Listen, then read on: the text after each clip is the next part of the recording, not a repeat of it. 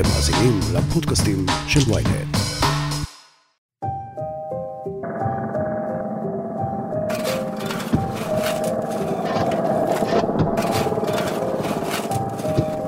בשנת 2013, תושבי מושב זרעית שבצפון לא הצליחו להירדם. הם שמעו קולות מוזרים, ומה שהיה הכי מוזר, זה שהם לא הגיעו מהשכנים, אלא מלמטה. כשהם הסתכלו מתחת למיטה, הם לא מצאו שם כלום. יש לכם פה מאגר מים ומערת נטיפים, והרעשים משם, הסבירו להם גורמים מטעם המדינה. אבל מיום ליום, הרעשים האלה רק הלכו והתגברו. באיזשהו שלב הם גם התחילו לראות משהו מוזר בצד השני של הגבול. אחר כך הם סיפרו לתקשורת, שמענו קולות נפץ וראינו מעבר לגבול תנועת משאיות שמפנות ערימות עפר. רק חודשים ארוכים לאחר מכן, החשדות שלהם התבררו כנכונים.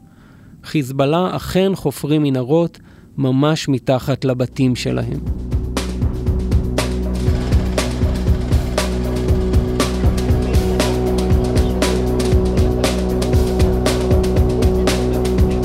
בשנים האחרונות אנחנו שומעים בלי סוף על המנהרות של חיזבאללה בצפון ושל חמאס בדרום.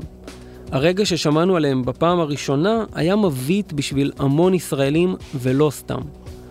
הרעיון שהמלחמה יכולה לעבור מתחת לרגליים שלנו, ולא רק מעל הראש, פתח ממד חדש של אימה. האפקט של המנהרות הוא לא רק מבצעי, אלא גם תודעתי.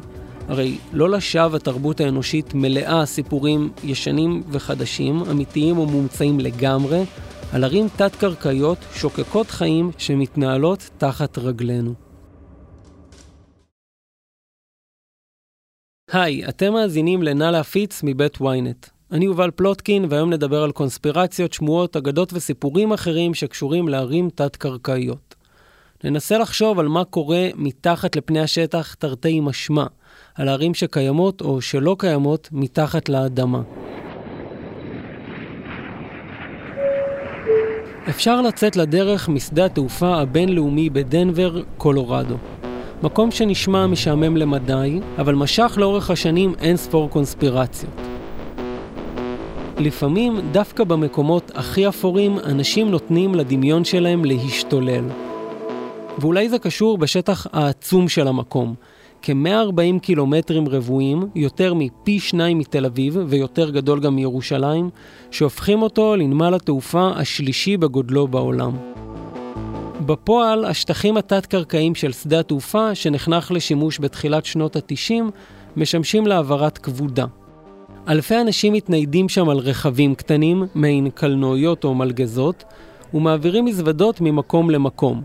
או כמו שאמרה הדוברת מטעם המקום, אלכס רנטריה, לתקשורת המקומית בדנבר, זה לא מפחיד כמו שאנשים חושבים, אבל אנחנו מעודדים אותם להמשיך להאמין. הקונספירציות סביב דנבר התחילו בגלל עיכוב בלוחות הזמנים. בישראל אנחנו רגילים לזה, שום דבר לא נפתח בזמן. אבל בדנבר, כששדה התעופה נחנך באיחור של כמה שנים, הציבור התחיל לטעות למה זה קורה, מה מסתירים מאיתנו שם בעצם. ולא רק זה, הפרויקט עלה הרבה יותר ממה שהוא היה אמור לעלות. בנוסף, הציבור הרחב אינו מוזמן להיכנס למנהרות האלה מסיבות בטיחותיות ברורות ולמען הסדר במקום. אז רבים עשו אחד ועוד אחד, והסבירו שכנראה בנו שם בונקרים נסתרים של ה-DIA, סוכנות הריגול הצבאית של ארצות הברית. וכן, לא ה-CIA, יש דבר כזה. היו גם מי שהסבירו שהמנהרות חורגות בהרבה משטח נמל התעופה ומגיעות עד לבסיס של הנורדה, פיקוד הגנת האוויר והחלל של צפון אמריקה שארצות הברית וקנדה מפעילות בשותפות. מדובר בשש קומות מתחת לקרקע, אולי הרבה יותר מכך. בעצם הן מגיעות עד הרי הרוקי. כך כתב אדם בעל חוש קונספירטיבי מפותח תחת הכינוי הדוד סם משקר לכם בפורום אמריקאי, ומשתמש בשם סטנלי הוסיף 6 קומות ו-66 מיילים, או במילים אחרות, 666. בנמל התעופה מכחישים כמובן שמשהו מכל זה נכון, וטוענים שהאורך של המנורות הוא 2.5 קילומטרים בלבד.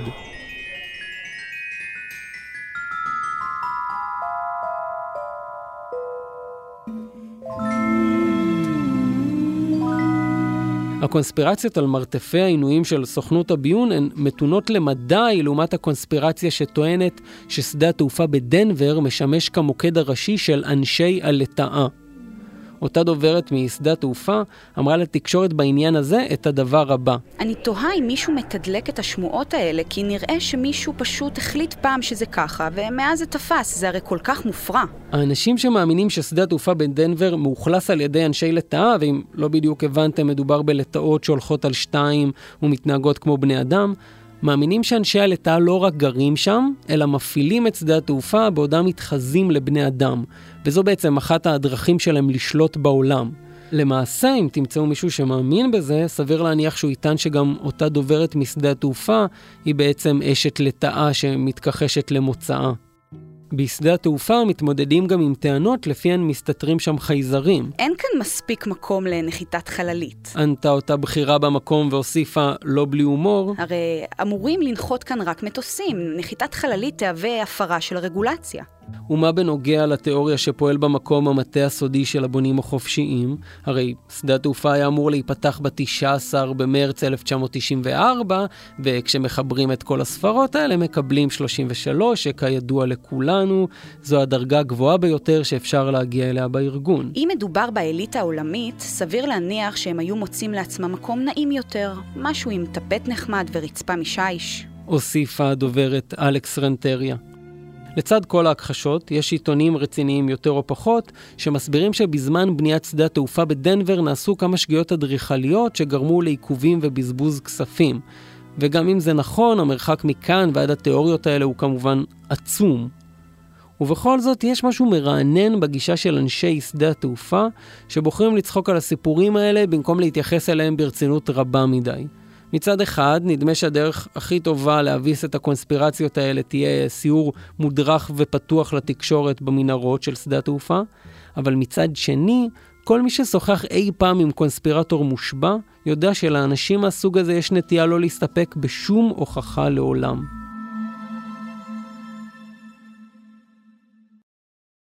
מפתיע או לא, כל הקונספירציות על דנבר קיימות גם בקנה מידה גדול יותר על כדור הארץ כולו. מתברר שאין שום לבה או לוחות טקטונים, אלא חלל עצום, מלא מנהרות, כמו קן נמלים, שחיים בו שפע של יצורים. התיאוריה הזו מהדהדת קצת את תיאוריית הארץ השטוחה, בזה שהיא חותרת תחת ההנחות הבסיסיות ביותר של המדע, אבל מצד שני היא סותרת אותה לגמרי, כי במקרה של הארץ החלולה דווקא מדובר לגמרי בכדור. יש אנשים שאפילו תכננו לצאת במשלחת אל לב כדור הארץ דרך דלת סתרים שממוקמת לכאורה בקוטב הצפוני, אבל כמו שקורה לא פעם לקונספירטורים, בסוף העניינים השתבשו ברצף תקלות לוגיסטיות, והמשלחת לא יצאה למסע. ומה שמעניין כאן במיוחד זה שבדיוק כמו תיאוריית הארץ השטוחה, זה התחיל כשגיאה מדעית בת אלפי או עשרות אלפי שנים, והפך במרוצת הזמן לתיאוריית קונספירציה תפורה טלאים-טלאים. תיאוריה אנטי-מדעית שמניחה את קיומם של גורמים פוליטיים זדוניים רבי עוצמה שרוצים להסתיר מאיתנו משהו. יש שלל גרסאות לתיאוריית הארץ החלולה. יש אנשים שטוענים למשל שבתוך כדור הארץ יש שמש חבויה ומיניאטורית, או לחלופין מערכת כוכבים שלמה. ויש סיפורים שהנאצים השתמשו במרחב הזה ובנו בו אתרים לניסויים בנשק, בתי כליאה או ערי מקלט מגוונים. נניח היטלר חי שם עד לא מזמן, אם לא שמעתם. ויש כאלה שאפילו טוענים שבספר הזוהר יש רמזים לנכונותה של תיאוריית הארץ החלולה. ואיך אפשר שלא, יש גם מי שמאשימים את נאס"א בהשמדת ראיות שמוכיחות את התגלית. בריאיון לסאן, אחד ממפיצי התיאוריה, שהתראיין בעילום שם, הסביר שתושבי הארץ החלולה מרגלים אחרינו עם חלליות וצלחות מעופפות, כדי לוודא שלא נפתח במלחמה גרעינית. כלומר, יש חייזרים, אבל הם נמצאים בתוך כדור הארץ, לא אי שם מעל. ובכלל, הרבה אנשים מאמינים שאם אנחנו רוצים למצוא חייזרים, כדאי להחליף את נקודת המבט. עזבו את הטלסקופים ותתחילו לחפור.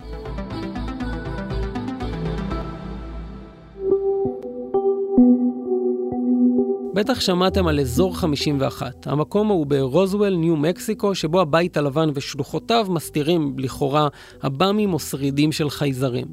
מדובר באחת הקונספירציות הכי פופולריות אי פעם, ואם תחפשו בגוגל אתם עלולים להישאב לחור שחור ולשרוף שנה מחייכם בצפייה בגיפים מטושטשים וטקסטים מלומדים שחיברו ילדים בני 12 מהולנד עם הרבה זמן פנוי. בכל אופן, באזור 51 מסתירים דברים, ואיפה מסתירים דברים? כמובן, בבטן האדמה.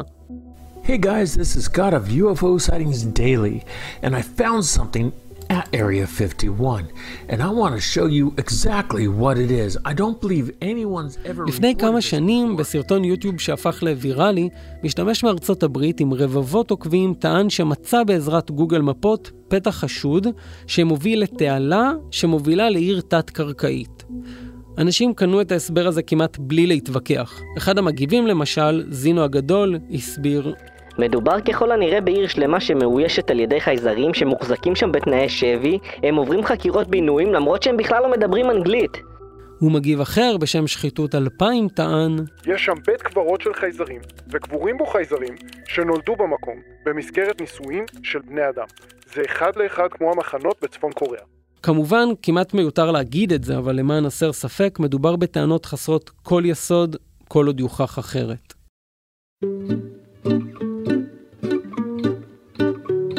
שמועות, קונספירציות ואגדות קיימות כמובן גם במחוזותינו, ואפשר למצוא סיפורים מתונים בהרבה, למרבה המזל, שקשורים לישראל. יש למשל אנשים שמאמינים שמתחת לתל אביב יש עיר תת-קרקעית גדולה שאמורה לשמש את כל תושבי האזור בזמן תקיפה אטומית, ויש כאלה שמסבירים שמתחת לירושלים ישנה עיר שבה מנהיגי המדינה יוכלו לחיות שנים שלמות במציאות פוסט-אפוקליפטית.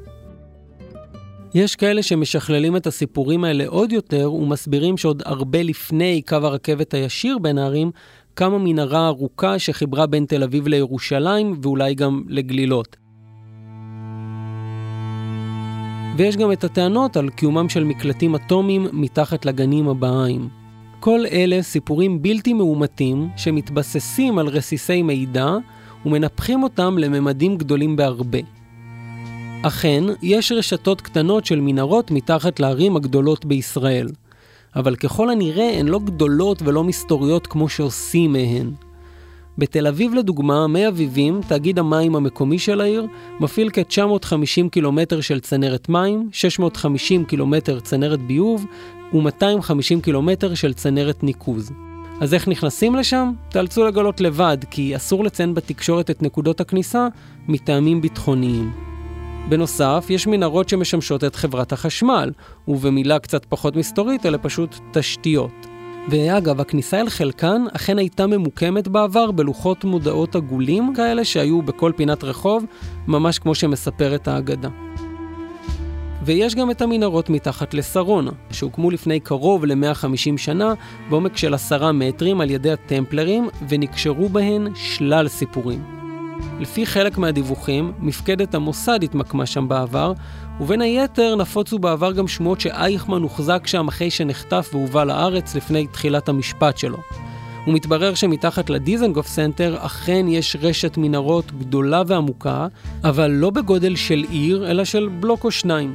המערכת התפעולית של הקניון קבורה שם, ואפילו זורמים שם מי תהום. ובנוגע לגנים הבהאיים, אכן יש מערכת של מרתפים באזור, אבל סביר להניח שלא מדובר במקלט אטומי של הבונים החופשיים, אלא פשוט בכמה חדרים שמשמשים את המאמינים הבהאיים. ואנחנו יודעים שגם מתחת לירושלים העתיקה אכן קיימת מערכת מנהרות מסועפת שנבנתה בהדרגה במשך עשרות שנים ומתפרסת מכפר סילואן עד לרחבת הכותל המערבי. במקרה הזה אגב מדובר בפרויקט שפתוח לציבור.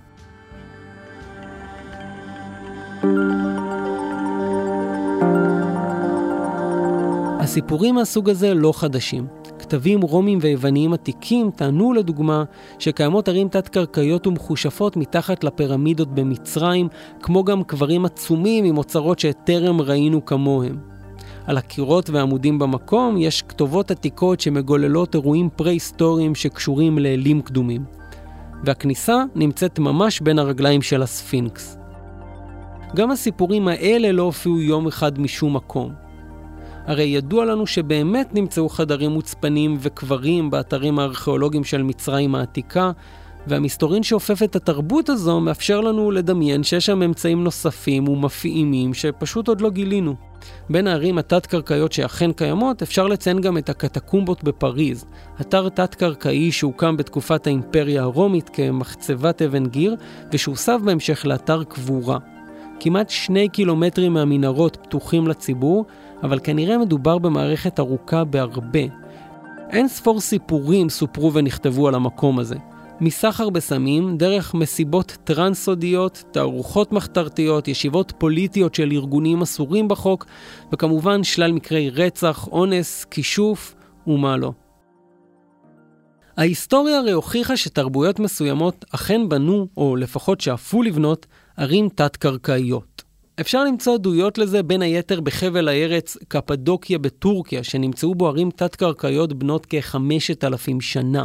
אלה חפירות בכמה קומות, שכוללות בין היתר חדרי אחסון וחדרי תפילה, ומתפרסות לאורך כמה קילומטרים. לא ברור איזו תרבות בדיוק בנתה אותן, אם אלה החיטים המאוחרים או הפריגים, אבל מניחים שהן הורחבו באופן משמעותי בתקופה הביזנטית. עדויות דומות יש במקומות נוספים, גם מזמנים מאוחרים יותר. בואו נקפוץ למאה ה-20. נוכל למצוא בברלין מערכת שלמה של בונקרים שהגרמנים בנו על מנת להסתתר מהפצצות של בעלות הברית. בימי הקומוניזם והמלחמה הקרה, כשברלין חולקה לשניים, האזור עבר שיפוץ נרחב, וכיום אפשר גם לטייל בחלק מהמנהרות האלה. רק בונקר אחד נסתם לעד, זה ששימש את הפירר. ערי מקלט תת-קרקעיות מודרניות, כלומר מהמאה ה-20 ואילך, אפשר למצוא גם בלונדון, בייג'ינג, טוקיו, באלפים השוויצריים ובשלל מקומות נוספים. אז איך מבינים מה מהסיפורים האלה אמיתי ומה לא? מחפשים הוכחות מהימנות, מפעילים את ההיגיון הפשוט, ומבינים שגם אם לסיפור מסוים יש גרעין של אמת, זה לא אומר שכולו נכון. וכדאי לשים לב לדבר נוסף, הרעיון של ערים תת-קרקעיות הופיע מאז ומתמיד בתרבות האנושית, גם במעשיות ומיתוסים. כמו נניח המחשבה על אטלנטיס. היוונים אגב האמינו שמדובר באי, אבל במרוצת השנים אטלנטיס התעצבה בדמיון שלנו כעיר שנמצאת במעמקי הים ומאוישת על ידי יצורים תת-ימיים דמויי אדם. ויש כמובן את העולם התת-קרקעי המוכר מכל והחשוב יותר מכל, השאול.